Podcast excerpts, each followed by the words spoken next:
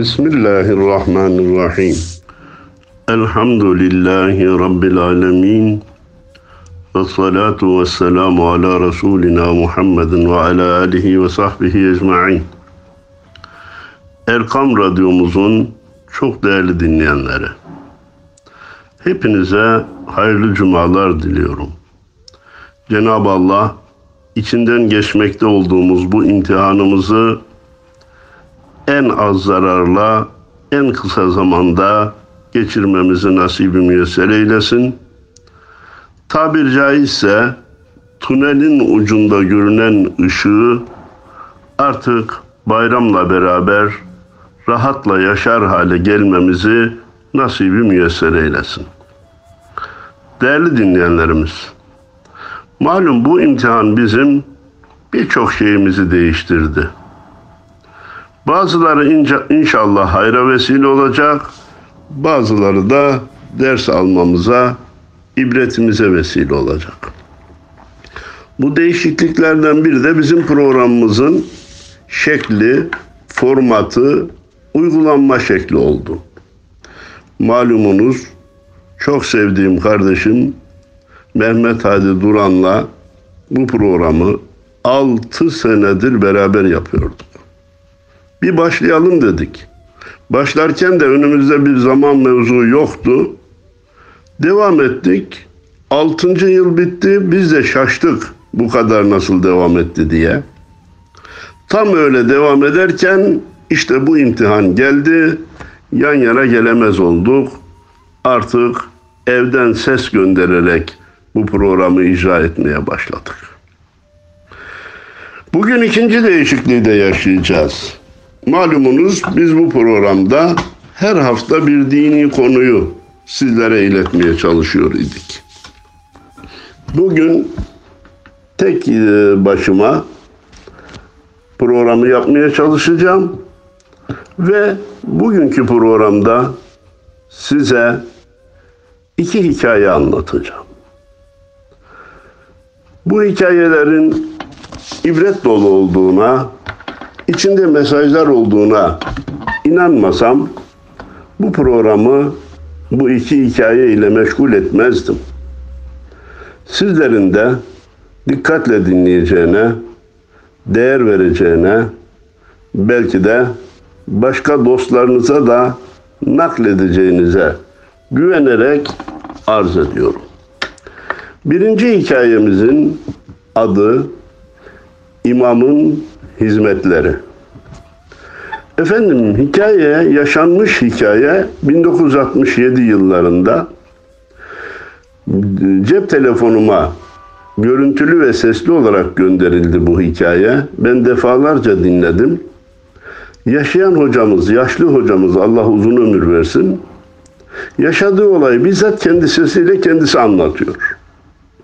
Yani bir senaryo değil. Zaten bana da tesir etmiş olmasının sebebi de o. Beni gerçekten duygulandırdı. Efendim değerli hocamız hizmet yaptığı köyümüzün bölgesini söylüyor ama ben söylemeyeceğim. Memleketimizin herhangi bir bölgesinde ilk resmi tayin olarak görev almış, imamlığa başlamış. Diyor ki köy büyük bir köydü. 5-6 bin nüfuslu bir köy. Nice kazalardan bile nüfusu fazla olan bir köy. Camiye gittim diyor. Cami bakımsız. Halı yok. Bir iki tane seccade atılmış. Duvarlar dökülüyor. Caminin binası hiç hoş değil. Ayrıca cemaat da yok diyor. Ben birkaç gün oyalandıktan sonra muhtarı çağırdım. Dedim ki muhtarım senden bir ricam var. Bu köylüyü bir gün bu camiye bir toplayalım dedim diyor. Muhtar bana gelmezler boşuna ben çağırırım ama bu köylü namaz kılmaktan hoşlanmıyor gelmezler dedi diyor. Ben dedim ki ben namaza çağırmıyorum. Toplanmak için bir araya gelmek için çağırıyorum. Abdest almalarına da gerek yok. Abdestli abdestsiz kimler isterse sen ilan et. Gelmelerini camide bir araya gelmemizi istiyorum dedim diyor. Muhtar buna ikna oldu. Peki ben ilan edeceğim dedi diyor. İki gün sonra köylüler camiyi dolduracak kadar geldiler diyor. Evet 5-6 bin nüfusu var hepsi gelmedi ama 300-400 kişi geldi. Benim için çok büyük bir kalabalık diyor. Onlara dedim ki muhterem komşular bakın ben yarın vefat edip ahirete gideceğim. Sizin köyünüzde imamlık yaptığımı Cenab-ı Allah biliyor. Bana dese ki falan köyde imamlık yaptın gel bakalım oradan kaç kişiyi tanıyorsun dese ben de kimseyi tanımıyorum desem sen nasıl imamsın? Bir köyde imamlık yaptığında oranın ahalisini niye tanımadın derse ben mahcup olurum belki de Cenab-ı Allah beni cezalandırır. Ayrıca Cenab-ı Allah size de sorsa dese ki falan kişi sizin köyünüzde imamlık yapmış. Hiç gördünüz mü? Yanına vardınız mı? Tanıdınız mı? Adı ne? diye sorsa siz de yok bilmiyoruz, tanımadık, görmedik, adını da duymadık derseniz belki sizi de cezalandırır. Hiç olmazsa tanışmış olalım diye ben sizi görmüş olayım. Siz beni tanımış olun. Onun için buraya geldik. Ben illa namaz kıldırmak için sizi toplamış değilim dedim diyor. Peki dediler diyor. Çok memnun oldular. Sonra ben bunu diyor bir fırsat olarak bilip dedim ki muhtarı da çağırdım. İki senedir sizde Mart ve Nisan ayında yağmur yağmıyor. Ekin, mahsulat da az oluyormuş. Eğer isterseniz her evden bir iki kişi namaza gelirse ben bu yağmuru size yağdıracağım dedim diyor. Olur dediler diyor ya eğer bir iki kişinin gelmesiyle yağmur yağacaksa her evden bir iki kişi gelsin dediler diyor. Millet birer ikişer gelmeye başladı. Caminin e, te, tabanı çabuk kilimlerle serildi. Herkes birer seccade temin etmeye başladı. Bizler gelenlerle namaz kılmaya devam ediyoruz diyor. Sonra sohbetler, Kur'an okumalar vesaire devam ederken ben dedim ki diyor muhterem cemaat bak sizin okumalarda kusurunuz var ama Allahu Teala sizin namazınızı kabul eder. Çünkü sizin döneminizde okumak yoktu, okumak yasaktı. Belki babalarınız size okutmamış olabilir. Ama sizin çocuklarınız eğer namaz surelerini öğrenmeden ileride namaz kılmaya kalkarsa Allah onlarınkini kabul etmez. Çünkü okuma imkanı var. Öyleyse çocuklarınızı gönderin de ben onlara Kur'an okutayım dedim diyor. Camide olur mu olmaz mı derken bir, bir yer diyor bir ev tahsis edildi. Sıralar alındı.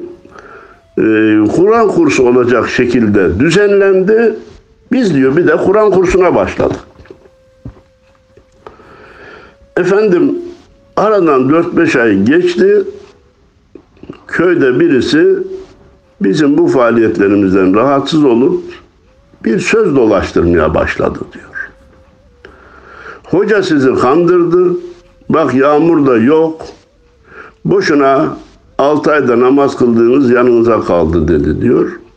Muhtar geldi diyor bana. Suratı bir karış.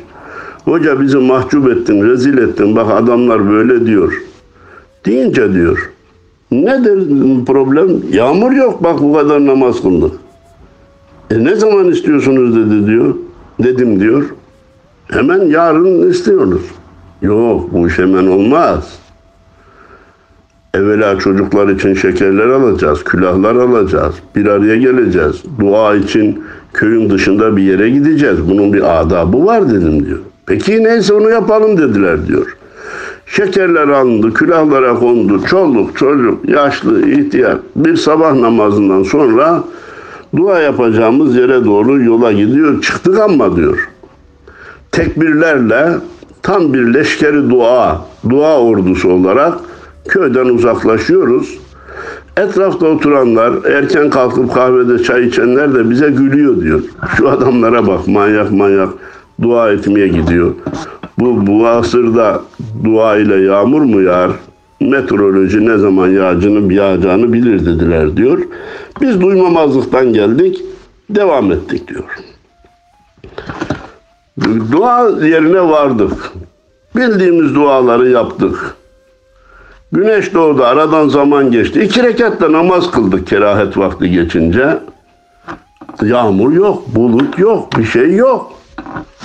Ben diyor o anda bulunan bir talebeme dedim ki diyor Necati oğlum sen şu duayı yüz kere tekrarlayacaksın dedim diyor.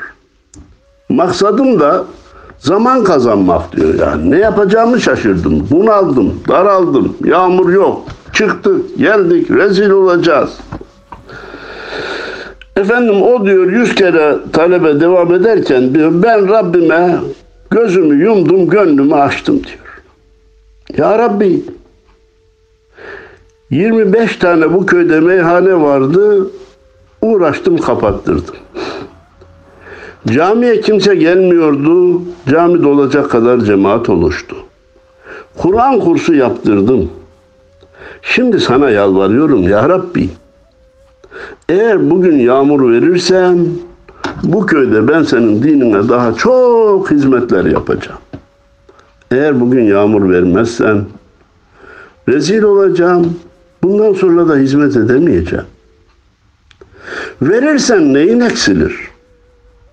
Vermezsen neyin artar? Ya Rabbi ben istiyorum dedim diyor.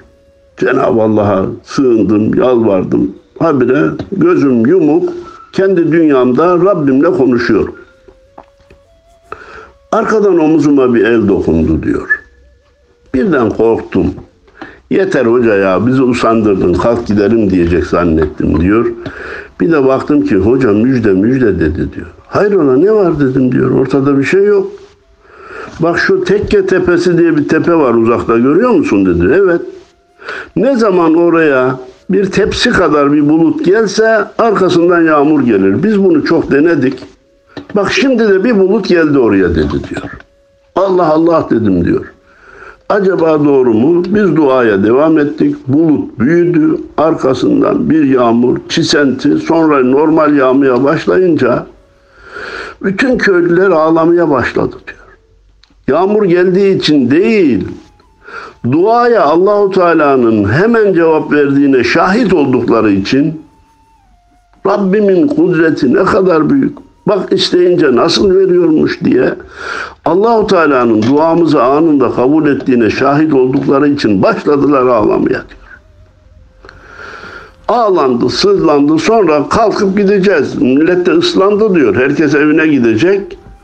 Herkes birer ikişer dağılırken diyor köyün bir meczubu, bir delisi vardı diyor. Ayağa kalktı diyor. Yok öyle perme perişan gitmek yok. Perem perem evlere dağılmak yok. Nasıl geldikse öyle gideceğiz dedi diyor. Tekrar ordu düzeni aldık. Tekbirlerle köye vardık. O bize gülenler de yaptıklarına pişman oldular. Yanlış yaptıklarını kabul ettiler. Ve biz de böylece bir olayı bizzat yaşadık. Yaşadığımız bu olayı ben din kardeşlerime nakletmekte fayda gördüm diye Hoca Efendi bizzat sesinden anlatmış. Ben denizde çok önemli gördüğüm için bu programda sizlere nakletmekte fayda gördüm. Değerli dinleyenlerimiz, ikinci hikayemiz de yine cep telefonuma geldi. Bu ev nöbetleri tutuyoruz ya hani, onun faydalarından biri de insanlar birbirleriyle telefonlaşıyorlar, bir mesaj gönderiyorlar, beğendikleri herhangi bir hikayeyi gönderiyorlar. İkinci hikayemiz de bizzat yaşanmış bir hikaye. Onu da sizlere arz etmek istiyorum. Değerli dinleyenlerimiz, kardeşlerimizden birisi naklediyor. Diyor ki, bu Ramazan, bu Ramazan, bu korona meselesinin olduğu Ramazan'da İftar vaktine bir saat kala evin kapısı çaldı diyor. Bir baktım ki elinde bir su bardağı bir kız çocuğu. Annemin selamı var. Bu bardak dolusu pirinç varsa onu istiyorum dedi diyor. Ben de her derhal hemen içeri girdim. Bardağı pirinçle doldurdum verdim. Kız çocuğu alır almaz mahcubiyetle hemen kaçtı diyor. Bir şey istemek kolay bir şey değil değerli dinleyenlerimiz. Cümlemin altını çizerek size arz etmek istiyorum. Vermek kolay, istemek zordur. Vermek kolay, istemek zordur. Birden diyor nasıl kaçacağını şaşırdı gitti diyor. Ertesi gün yine iftara bir saat var. Yine kapı çaldı. Yine aynı kız çocuğu. Yine elinde aynı bardak. Varsa bir bardak daha pirinç istiyorum dedi diyor.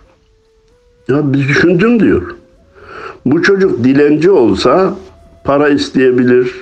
Büyük bir tasla gelebilir. Daha çok pirinç isteyebilir. Başka bir şeyler ne gibi yiyecek verebilirsiniz diye isteyebilir. Hayır bu dilenci değil. Sıradan bir olay değil bu dedim diyor. Doldurduğum gibi bardağı pirinçle ben de geleceğim dedim diyor. Kızımızla beraber gittik. Sokağın arkasından üçüncü, dördüncü binayı geçtik. Girişte biraz da bodrumsu, yarı bodrum bir eve beraber girdik diyor. Bir artı bir daire. Zaten ben orayı da diyor ev olarak bilirdim. İçeri girdik ki bir odada zaten kurula, bir sofra kurulacak kadar bir boşluk var. Yine bir sofra kurulmuş. Sofrada sadece turşu var. Dört tane kaşık var. Üç tane çocuk var. Anneniz nerede dedim diyor. Sesimi duyunca kadın mutfaktan çıktı geldi. Buradayım abla dedi diyor. Kardeşim nedir bu vaziyet dedim diyor. Vallahi biz daha önce kirası biraz daha fazla olan bir yerde oturuyorduk.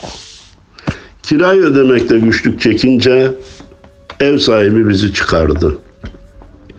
Burası biraz daha ucuz diye buraya geldik. Kocam vefat edince buranın kirasını da ödemekte güçlük çekmeye başladık. Ben bir yemek fabrikasında çok cüzi bir ücretle çalışıyordum. Bu korona virüsü mevzu gelince patron dük- fabrikayı kapattık, yemek yapılmıyor, sen de evine git dedi. Oradan gelen 3-5 kuruşum da kesildi. Mecbur kaldığım için sadece su ile çocuklarıma çorba yapamayacağım için iki gündür sana pirinç için kızımı göndermiştim.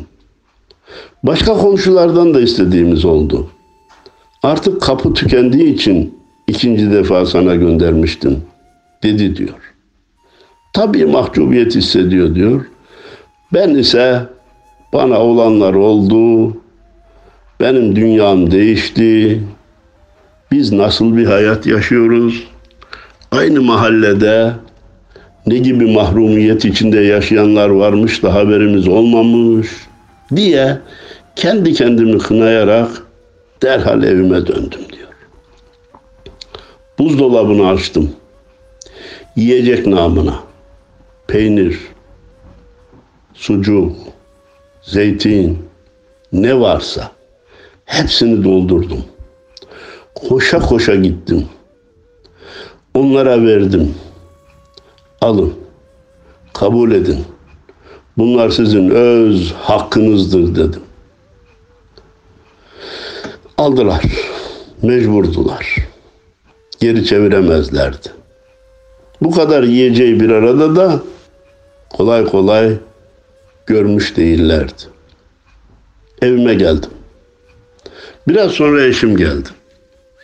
Durumu anlatınca eşim bana dedi ki hanım çok iyi yapmışsın. Hatırlar mısın? Bu sene biz ilk defa Umre'ye gidecektik. Bu korona virüsü problemi çıktı. Umre'ye gidememiştik. Gel bu umremizi Allah'a satalım dedi diyor. Nasıl olacak dedim diyor.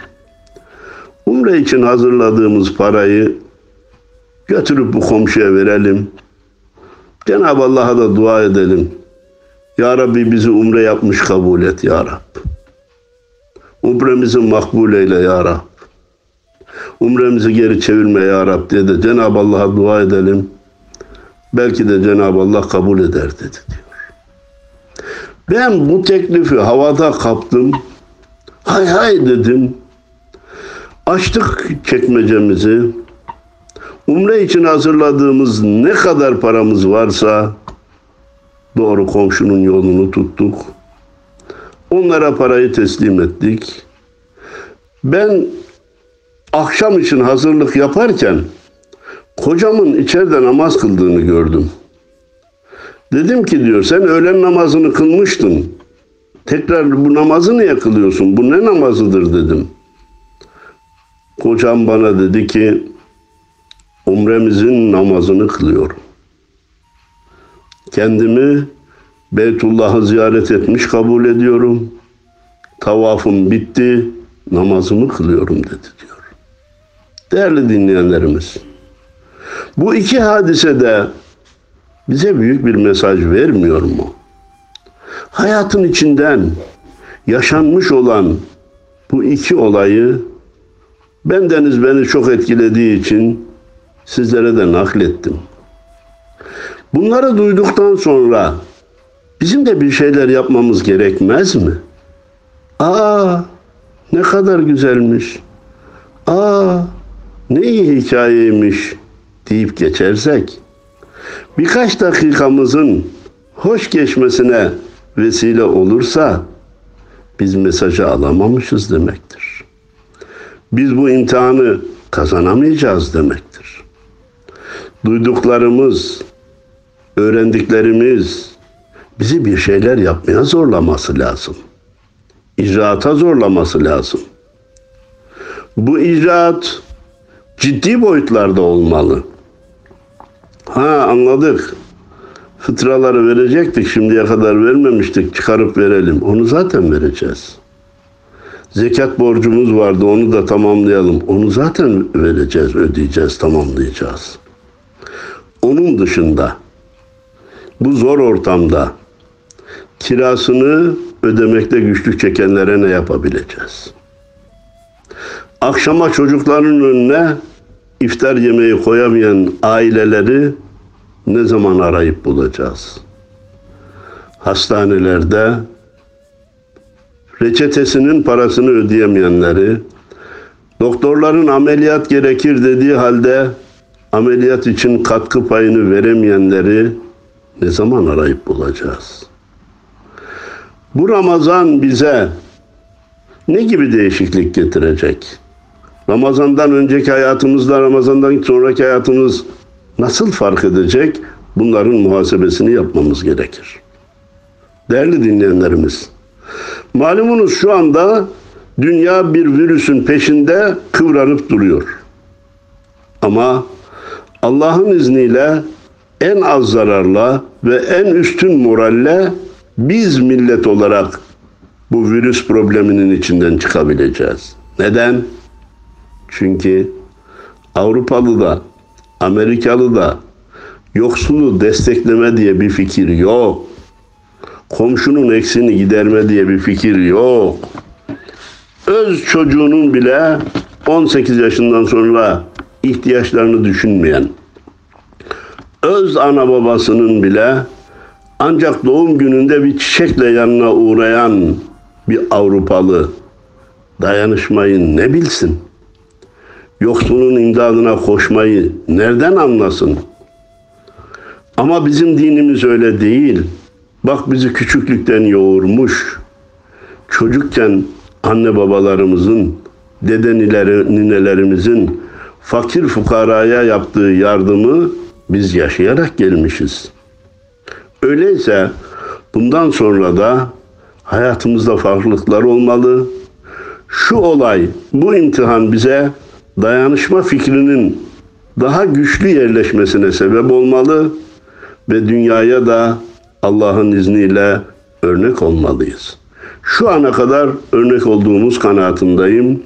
Allah'ın izniyle bundan sonraki dayanışmayla da örnek olarak ekonomik problemlerin de içinden nasıl çıkılacağını, dayanışmanın ne demek olduğunu, kardeşliğin ne demek olduğunu bütün dünyaya yaşayarak göstereceğiz inşallah. Birinci hikayemize kısaca dönmek istiyorum. Hoca efendi oraya gidip vazifeye başladığında eh ben devlet memuruyum, devlet bana maaşımı veriyor. Ne yapayım? Gelen kaç kişi olursa ona kıldırırım namazımı, geçer giderim deseydi. Tabir caizse tipik bir memur zihniyetiyle vazife yapmaya başlasaydı, bize anlattığı neticeleri alması mümkün olur muydu değerli dinleyenlerimiz? Önce namaz şart olmaksızın toplama bir psikoloji meselesidir. Bir sosyoloji meselesidir. Bakın bu imam efendi ne psikoloji ne sosyoloji okudu. Bu konuda hiçbir üniversitede bitirmedi. Ama Allah'ın izniyle onda öyle bir sezgi var ki ben ancak böyle davet edersem gelirler dedi. Gelmelerini temin etti. Sonra çocuklarınızın bilmesi lazım yoksa siz Allah katında mesul olursunuz dedi. Kur'an kursunu açtırdı. Allah'ın yasakladığı şeyleri yapmayın diye meyhaneleri kapattı. Ama bütün bunları yaparken Rabbine olan bir güvenci vardı. Allah'a olan bir inancı vardı. Rabbim beni mahcup etmeyecek diye güveniyordu. Eğer içine tereddüt girseydi, ben bu köylüye namaz sözü verdim ama ya yağmur yağmazsa halim ne olur bunlar beni köyden kovarlar. Belki de yağmaz. Ben ne bileyim diyecek olsaydı bu hizmetlerin hiçbirini yapamayacaktı. Zaman zaman naklettiğim cümlenin altını bir kere daha çizerek bugün de nakletmek istiyorum. Başaramamış isek inanmamışız demektir. Başaramamış isek inanmamışız demektir. İnanırsak başarırız. Delilimiz ne? Çünkü her şeye gücü yeten bir Allah'a inanıyoruz. Eğer ona imanda, tevekkülde, güvende, samimiyetin doruk noktasına çıkarsak bizi hiçbir şart altında mahcup etmez. Bizi başkalarına karşı rezil etmez. İslam tarihi bu olaylarla dolu. Türkiye tarihi bu olaylarla dolu. Ordularımız nice kendilerinden kat be kat ordulara karşı galip gelmedi mi? İstiklal Savaşı'nda memleket perme perişan değil miydi? Çanakkale'de yedi düvel üzerimize gelmedi mi? Kıbrıs'ta beş parmak dağları günlerce aşılamaz derken saatler içerisinde aşmadı mı Mehmetliğimiz? 15 Temmuz'da bir gecenin birkaç saati içerisinde milyonlar sokağa dökülmedi mi? Hatta abdestle namazla, dinle imanla alakası olmayan bile meyhaneden çıkarak Allahu Ekber diye meydanlara koşmadı mı değerli dinleyenlerimiz? Yani arz etmek isterim ki biz Rabbimize olan iman ve itimadımızı, güvenimizi tam tuttuğumuz sürece ondan isteklerimizi inanarak, vereceğine güvenerek istediğimiz müddetçe o bizi mahcup etmeyecek, nice hizmetlerin kapısını açacak, lütfu ilahi ile bizi de başka insanlara örnek olmaya muvaffak kılacaktır. Şu anda fertler olarak örnek davranışların içinde bulunmamız gerektiği gibi ülke olarak da örnek davranışların içinde devam etmemiz gerekiyor. Şu anda bütün dünya Türkiye'den bahsediyor değerli dinleyenlerimiz. Türkiye 88 ülkeye onların da içinde Amerika gibi bir süper ülkeye yardım gönderdi. Bu unutulmayacak, ileri doğru asırlarca zikredilecek bir faaliyet. Ha biz çok mu zenginiz?